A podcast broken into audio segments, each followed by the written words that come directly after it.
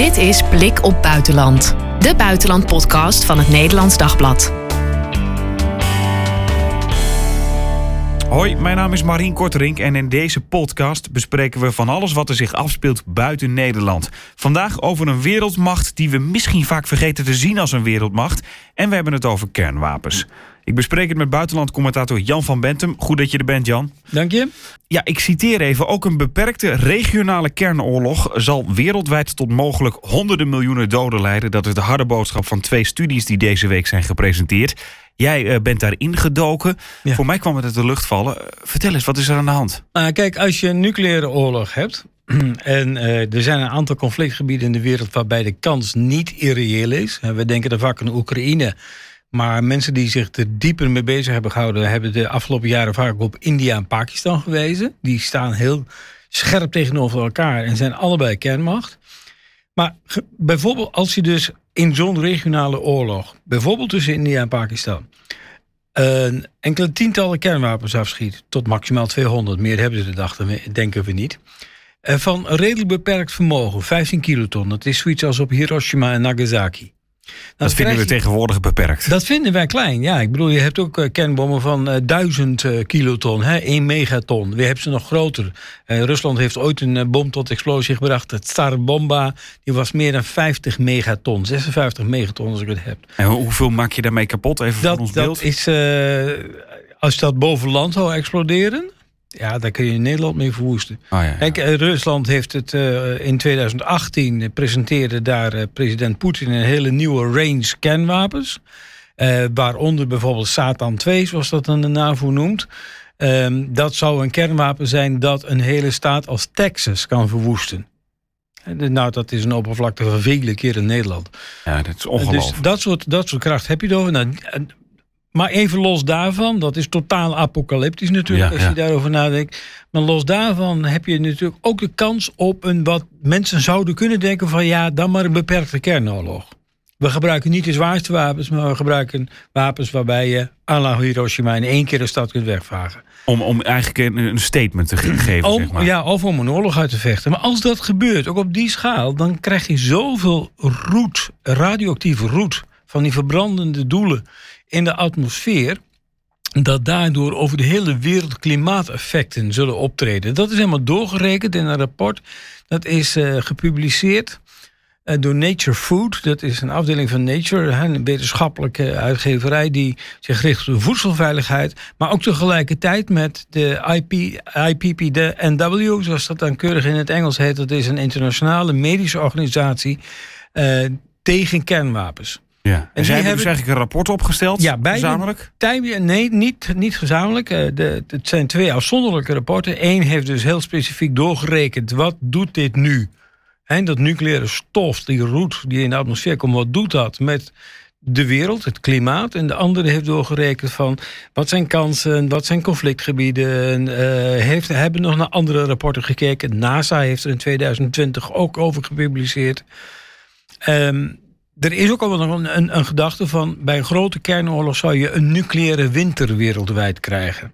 Maar dat hoort bij dat hele grote apocalyptische beeld... van een totale kernoorlog. Ja. Maar ook bij die beperkte kernoorlog krijg je dus zoveel... afdemping van zonlicht... dat de temperatuur echt daalt. 1,3 tot 1,8 graden. Wereldwijd. Wereld, wereldwijd. Maar wat blijkt... dat dat specifiek landbouwgebieden in Verenigde Staten, Europa, Rusland en China zal treffen. Dus in het noordelijke halfrond. Waarom is niet helemaal duidelijk. Ik had gisteren in een gesprek. Uh, suggereerde iemand van die medische associatie. van het zou kunnen zijn dat het dempende effect van de grote oceaan in het zuiden. de Stille Oceaan. maar ook de zuidelijke Atlantische Oceaan. dat dat van invloed is. Dat je in het noorden iets meer de landgebieden dichter bij elkaar hebt. Ja. Maar in ieder geval, daar worden dan de landbouwgebieden getroffen. Uh, bovendien krijg je ook nog eens dat ozonlaag wordt afgebroken, zodat de straling van de zon die wel doorkomt ook nog eens een hele schadelijke straling is. Nou, dat zou in het scenario van die beperkte kernoorlog tussen landen als India en Pakistan, of Israël en Iran, of Oekraïne. een aanval van Rusland op Oekraïne, kunnen leiden uh, dat je in die directe aanvallen enkele tientallen miljoenen doden hebt, maar dat door die hongersnood die ontstaat door misoogsten en nog eens minstens 260 miljoen doden kunnen vallen. En hoe groter het conflict, hoe sneller het aantal mensen wat nadien zal overlijden door de, eh, door de klimaateffecten ervan eh, groter zal worden.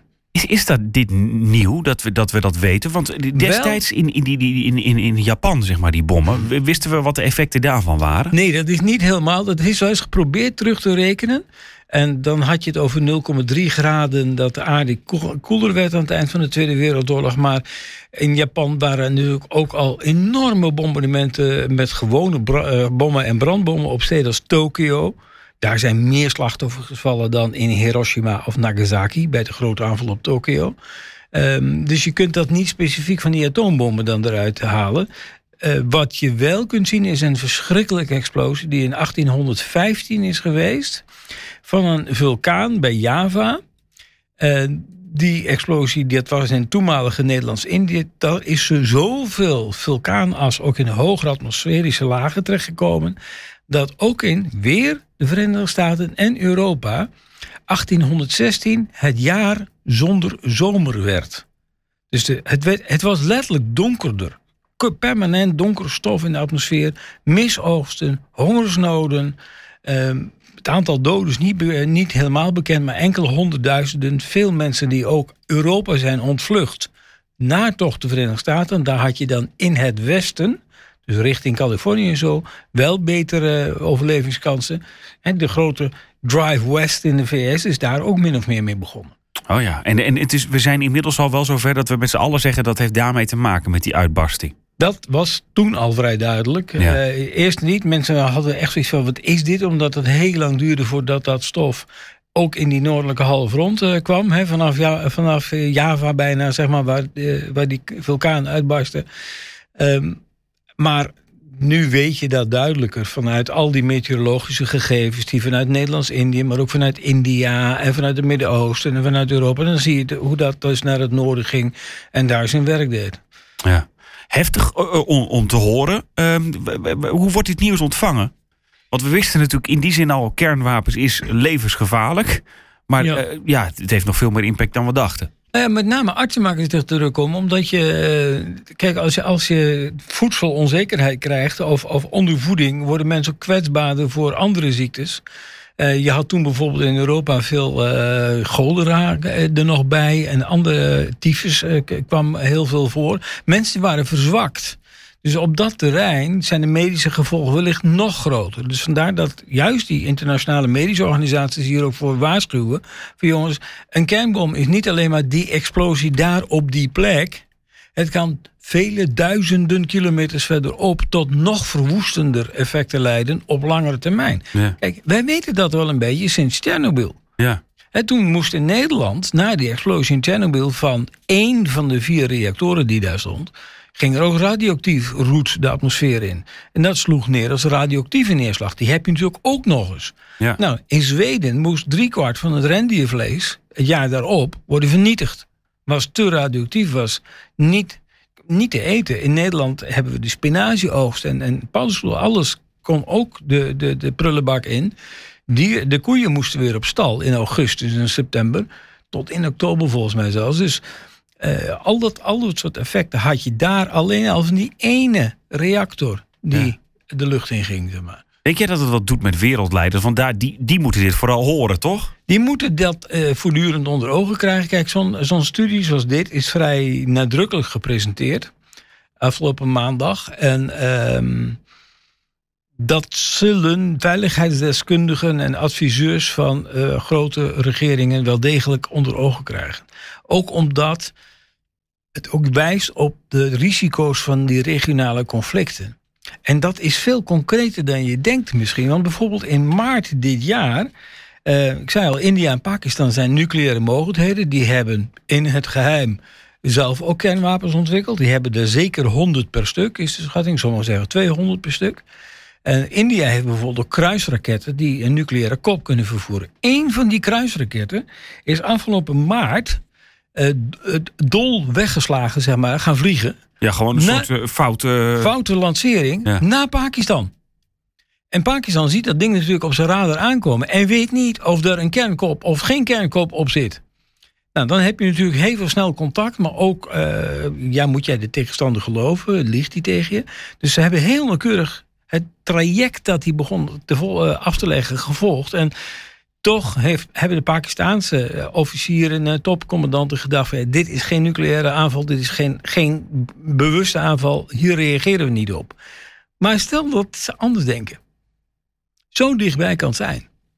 Ja, en er zou maar wel een kernkop op zitten. Ja, nou ja, dan moet hij ook nog geactiveerd zijn. Hè? Ze gaan Ja, niet ja. zomaar af. Het is niet zo dat als hij op de grond valt, dat het ding boem zegt. Nee.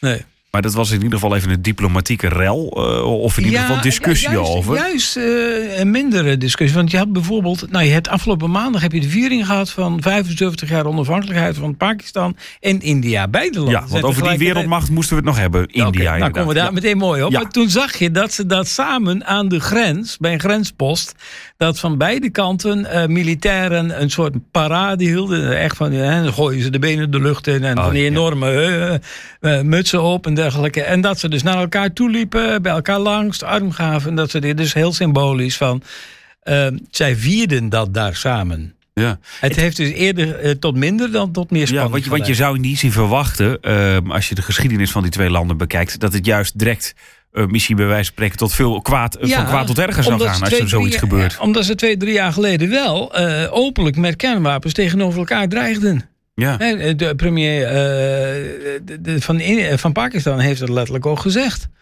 Dat, eh, dat Pakistan eh, inderdaad zijn kernwapens zou kunnen inzetten bij een mogelijke Indiaanse aanval. Eh, die verhoudingen wa- waren en zijn niet echt eh, daverend. En ze hebben meerdere oorlogen uitgevochten, bijvoorbeeld over die voorlopige grenslijn, zoals dat er vaak wordt genoemd, in Kashmir. Oh ja, ja. ja, want we moeten even terug. 75 jaar, je zegt het al, afgelopen maandag werd dat gevierd. 75 jaar beide onafhankelijk van Groot-Brittannië. Voor de, voor de wat jongere luisteraar, wa- wat is er 75 jaar, hoe is dat gegaan? Nou ja, de, de wens natuurlijk naar onafhankelijkheid van India was al veel langer. Hè. Bekende Indiase leider eh, Gandhi. Die eh, veel protest, pro- geweldloze protestmarsen tegen de, de Britse eh, bestuur over India heeft georganiseerd. Ook in Londen is geweest er overleg met de, met de Britse regering van hoe moet het verder gaan. En na de oorlog heeft de Britse regering toch besloten dat India onafhankelijk zou worden. En er werd een eh, bekende eh, een marinecommandant en ook eh, verbonden met de koninklijke familie, Mountbatten, werd aangesteld als gouverneur daar. En die moest in 1947 de onafhankelijkheid van India voorbereiden. In gesprekken met Gandhi, maar ook met Nehru, de eerste premier van India. En daar staat ook Jinnah bij. Dat was de leider van de All India Muslim League. Dus de, de grote moslimorganisatie in toenmalig India. En dat omvatte ook Pakistan en het huidige Bangladesh. Ehm, dus daar, ehm, in die gesprekken bleek dat Jinnah echt absoluut afstevende op een afscheiding van Pakistan als islamitische staat van de Hindoe-staat India. Ja, zo van, ze konden niet met Nee. z'n allen samen India Nee, zijn. Het, het, ik- India werd een seculiere staat, is officieel nog steeds een seculiere staat. Pakistan werd onmiddellijk de islamitische staat Pakistan. Ja. Ehm, nou, dat is een hele heftige scheiding geworden. Daar zijn miljoenen doden bij gevallen. Er zijn vele miljoenen eh, heen en weer verhuisd. Hindoes die vertrokken uit Pakistan, eh, moslims die vertrokken uit India. Dat heeft eh, een, een enorme impact gehad op de start van de beide landen. Maar is er ook een soort oorlog dan geweest? Of, of Nee, dat het niet is per se? dat is vooral een soort burgeroorlog geweest. Er zijn heel Ja. veel onderling geweld. Maar je, dat, dat aantal mensen, zeg maar, wat, wat erbij is gedood, wordt minimaal op een half miljoen en maximaal 2 miljoen geschat. En er zijn nog eens zo'n 15 miljoen mensen ja, van hun plek verdreven, weggegaan, hoe je het maar noemen wil. Dus het is eigenlijk compleet Nederland zoals het nu is. Eh, je zou dus eh, zeg maar 2 miljoen doden tellen, eh, maximaal, en, en, de, en de rest zou vertrekken. Ja, ongelofelijke aantallen. En, en sindsdien is het eigenlijk niet meer goed gekomen tussen die twee. Nou, zo nu en dan hebben ze betere relaties. En, en dan eh, vlamt er weer een eh, dispuut op. Ze hebben dus, wat ik al gezegd, conflicten gehad. Ook gewapende conflicten gehad. Ehm, maar ze hebben een eigen pad van ontwikkeling gevolgd. En met name India is daarin natuurlijk een heel eigen weg ingeslagen als een democratie. En Pakistan is officieel ook wel een democratie. Eh, maar India geldt toch veel meer als een democratie die, die ja, tot zekere hoogte werkt. Ja, zijn, werkte. Dat, ja wat, wat zijn ze ook jaloers op elkaar dan? Want, want we- ik wil het meer over India ook nog hebben, want dat is Ja. in die zin eigenlijk een wereldmacht geworden. Kijkt Pakistan dan ook met jaloezie naar? Zo van, nou ja, eh, jaloezie en met, eh, met zorg. Want India wordt zo'n economische macht. Dat Pakistan daarbij verbleekt. Pakistan is het op één na grootste moslimland ter wereld. Hè? Dus Indonesië is het grootste moslimland ter wereld. Maar Pakistan is het tweede al. Dat gaat ook richting 200 miljoen inwoners. Dus dat, dat is ook groot. Maar India wordt volgend jaar, volgens de Verenigde Naties, cijfers van afgelopen maand juli, wordt India volgend jaar, 2023, qua inwoners het grootste land ter wereld. Dan haalt het China in. China begint te dalen, India groeit nog steeds snel door. Dus dan is India het grootste land ter wereld. Ja, dat, dat, we weten altijd al, hè, als je de quizjes en eh, zo hoort van hè, dat eh, India een land is met heel veel inwoners. Maar hebben ze ook echt de statuur van een wereldmacht, los van het aantal inwoners dat ze hebben? Nou ja, als jij eh, na- naar Den Haag rijdt, eh, je gaat bij Rijswijk of je pakt de A13 en dan heb je de, van die matrixbord boven de weg. Mhm. Dat wordt in Kerala in India geregeld, hè? Via allerlei algoritmes zitten daar dus ingenieurs die regelen hier het verkeer. Ja. Dat hebben we uitbesteed in heel veel van die callcenters. Ja. Uh, als jij vanaf zee, en dat hebben we een keer gedaan, ook met mijn vrouw, kom je dan bijvoorbeeld vanuit Newcastle, Engeland, vaar je naar Nederland toe, ga je naar de, de sluizen bij Hemuiden. En het eerste wat je dan ziet is Tata Steel. Dat Ja. was vroeger hoogovens. Dat is nu dus een Indiase industriële grootmacht Ja. die daar eh, de touwtjes eh, in handen heeft. Dus India zit economisch al heel dicht bij ons. Heel veel digitale ontwikkeling wordt ook door India al ondersteund. Vanuit India. Ehm, ook, ook technische ondersteuning van bepaalde dingen. En dan krijg je een Engelse stem aan de telefoon. Eh, dat gaat heel ver. Als ik, als ik LPG wil tanken in de buurt van Kampen, dan moet ik een eh, intercom indrukken om, om die pomp vrij te geven als beveiliging. En dan krijg je een Engelse stem uit India aan de lijn. Ah ja. Maar hoe komt het dan eh, dat we toch bij wereldmachten het snel hebben over China versus Amerika, eh, eh, Rusland? Ik heb eens gesproken met de voormalige ambassadeur van Nederland in India, de Von Stoelinga. Die was tot 2000, begin 2019 dacht ik daar ambassadeur. Die heeft toen in 2019 nog het bezoek van koning, koning Willem-Alexander en koningin Maxima voorbereid. Ehm, trouwens, Maxima heeft een heel belangrijke rol in India deels ook gespeeld. Maar daar kunnen we het misschien wel over hebben. Maar hij zei van wij in Europa, we zijn gebiologeerd door wat hij dan een ring van vuur noemde. De terreur in het Midden-Oosten. Afghanistan? En ook Afghanistan, de migranten uit Afrika, de eindeloze immigratiecrisis daar in het zuiden van, eh, van Europa, die maar niet, eh, waar we maar geen grip op weten te krijgen. De crisis rond Oekraïne, dat zijn dingen die ons zo biologeren dat we gewoon niet echt veel verder kijken. En dat met name die blik wordt dus ook heel militair bepaald daardoor. En India is niet een agressieve militaire macht. China wel. De Verenigde Staten kun je zeggen op zekere hoogte ook. Op zijn eigen manier. Rusland zeker. En India is dat veel minder. Terwijl het wel eh, zijn zijn militaire macht sterk uitbreidt. En langzaam maar zeker daarin ook dichter bij het Westen komt. Onder andere met wat dan heet de Quad. Dat zijn vier landen in het, eh, de, rond de Stille Oceaan. Die en de, en de Indische Oceaan, die eh, de, op defensieterrein samenwerken. Dat zijn de Verenigde Staten, Australië, India en Japan. En die vier landen hebben zich verenigd, met name ook om China in toom te houden. Want ze zijn, bijvoorbeeld India is in die zin ook eh, niet kamp China dus. Nee, het heeft eh, ook in de afgelopen jaren met enige regelmaat grensconflicten met China gehad. In de berggebieden tussen beide landen. Waarbij ook doden zijn gevallen. Waarbij China ook Indiaanse grenswacht heeft neergeschoten. En, en Indiaanse soldaten, omdat China zegt. Jullie komen op ons terrein. En India zegt ja, nee, hallo, je zit aan onze kant van de grens. En dat, dat is nog steeds niet goed, eh, niet goed afgekaart. Als we bang zijn voor China, moeten we dus eigenlijk eh, misschien ook hoopvol richting India kijken. Ja, alleen daar heb je wel dat onder de regering Modi dat idee van een democratische, seculiere staat, dus niet gebaseerd op een godsdienstige of andere ideologie, dat dat langzamerhand wordt vervangen door een streven naar India als echt een Hindoe-staat. En de BGP, dus die partij van, van Modi, die propageert dat. En daaromheen zit een Hindoe-beweging. Die zijn nog veel radicaler. Die willen liefst de moslims wel verdrijven uit India. Um, en daarin heeft Modi ook wel stappen gezet. Bijvoorbeeld is, uh, in 2020 heeft hij uh, de eerste steen gelegd van een hele grote Hindoe-tempel op de plek waar een belangrijke moskee stond. En dat was een verkiezingsbelofte van hem.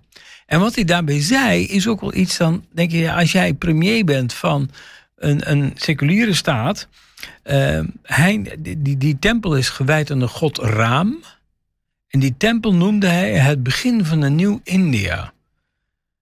Terwijl hij in zijn toespraak afgelopen maandag bij 75 jaar India zei van uh, de kracht van India is dat wij een hele plurale, um, diverse staat zijn. De, de, diversiteit van India is onze kracht, zei hij. En uh, wij zijn de moeder van de democratie. En daarmee uh, zijn wij de, de, de, de macht van de toekomst. Uh, de, de, onvermijdelijke macht van de toekomst. Maar het lijkt dus wel te bijten met elkaar. Dat hij het ene moment het een zegt. Woorden en daden zijn niet, komen niet helemaal overeen, laten we het Nee. zo zeggen. En even voor ons beeld, hoe, hoeveel mensen, hoeveel procent is daar ongeveer? Op de laatste gehouden verkiezingen.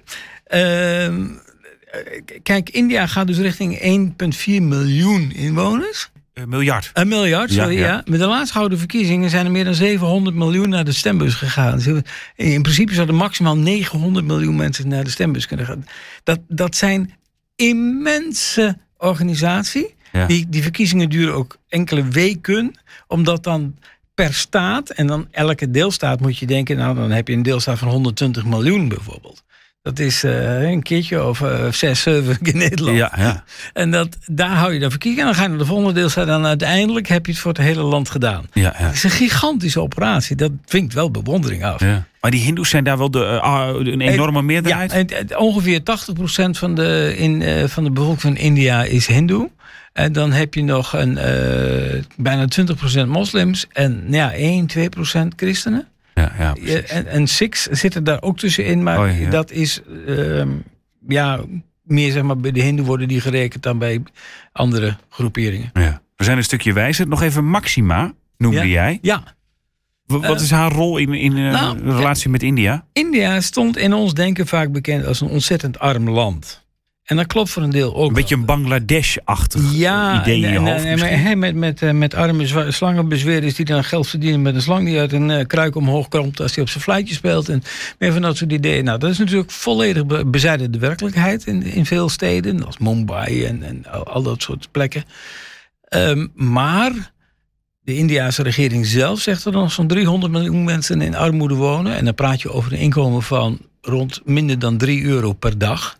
En dat is dus een zesde van de bevolking Dat is een zesde bevolking. Eh Fons Toelinga zei in een gesprek met hem eh, ruim twee jaar geleden van... ik schat het, doordat ik door het land reisde en gewoon keek van hoeveel leef je in armoede. Ik denk, zei hij, dat het meer richting 600 miljoen gaat. Ja. Oh, ja. Maar er is al een enorme sprong gemaakt. En die sprong lag erin dat de corruptie werd bestreden. Er was altijd al een soort bijstand voor armen. Maar heel veel van de geld, dat geld ging dan naar dorpsoudsten en die moesten verdelen in een dorp. Er verdwenen heel veel zakken, behalve in die van de armen. Toen heeft de regering Modi een soort microkredietregeling, met, ook met advies van Maxima erbij. Want dat is, hè, die werkt voor de VN, voor Ja. microkredieten. Ook met name gericht op vrouwen en gezinnen. Dan kreeg dus iedereen die dat geld kreeg... een eigen ID, een identiteitspas... gekoppeld aan een bankrekening... en daar werd het geld opgestort. Oh ja. Dus had iedereen dat zelf in zijn vingers. Ook vrouwen. En dat was een enorme stap. Ook voor de positie van vrouwen. En dat, dat is een problematische, dat is een probleem in India. Er is heel veel geweld tegen vrouwen. Ehm, en, en Indiaanse eh, commentatoren hebben eh, twee jaar geleden bij weer zo'n eens geschreven van India is het slechtste land ter wereld om als vrouw te leven. Nou, daar kun je je afvragen, maar ja, er is veel geweld. Het is een hele patriarchale samenleving in veel plattelandsgebieden nog. Um, maar deze stap zeg maar, heeft A, de armoede effectief bestreden. Of althans een aanzet daarin gegeven. En B, daarin he, hebben dus ook vrouwen individueel toegang tot een krediet waar ze wat mee kunnen. Ja. Voor hun gezin, voor zichzelf, voor het ontwikkelen van een klein bedrijfje, you name it. Met dank aan Maxima. Mede met dank aan Maxima, ja. De komende tien jaar, wat verwacht je nou van India? Dat het meer bij, bij ons ook op de radar komt? Uh, als we verstandig zijn, ja. De bevolking van India blijft groeien. Ehm, India heeft een groene revolutie meegemaakt. Begin jaren 60 was er een grote hongersnood. En toen had je even die doemscenario's over de grote bevolkingsbom. Van heette, Paul Ehrlich heette die schrijver. En dat zou echt wereldwijd zou honger komen, maar vooral mensen in India zouden massaal verhongeren. En toen kwam door ontwikkelingen in landbouwgebied, ook in de Verenigde Staten, uh, andere gewassen, andere vormen van irrigatie, van kunstmest en dergelijke. En van een armlastig land werd India een rijstexporteur. Uh, dat is het nog, hoewel dit jaar de oogst in gedrang komt door een enorme droogte en hitte in het land. Dus dat, in plaats van dat ze massaal eh, stierven van ondervoeding, is, is India blijven groeien. Maar die, die groene revolutie is wel zo'n beetje aan de grenzen van zijn groei gekomen. Ook doordat het grondwater begint op te raken. Heel putten zijn al heel diep geslagen, maar ook die komen niet meer bij water. Dus heb je een nieuwe vorm van landbouw nodig om dat, die nieuwe bevolking te ondersteunen. Daarin kan Nederland een hele belangrijke rol spelen. Hè? De Universiteit van Wageningen is een van de erkende kenniscentra in de wereld daarvan. Dus als Nederland een grote slag wil maken, eh, dan ligt daar bijvoorbeeld een enorme kans. Dankjewel Jan voor deze week. Dit was Blik op Buitenland. Heb je een vraag of wil je reageren? Dat kan via podcast.nd.nl. En ben je enthousiast over deze podcast? Laat dan een review of een recensie achter. Dat maakt het voor anderen weer makkelijker om ons te vinden. Tot volgende week.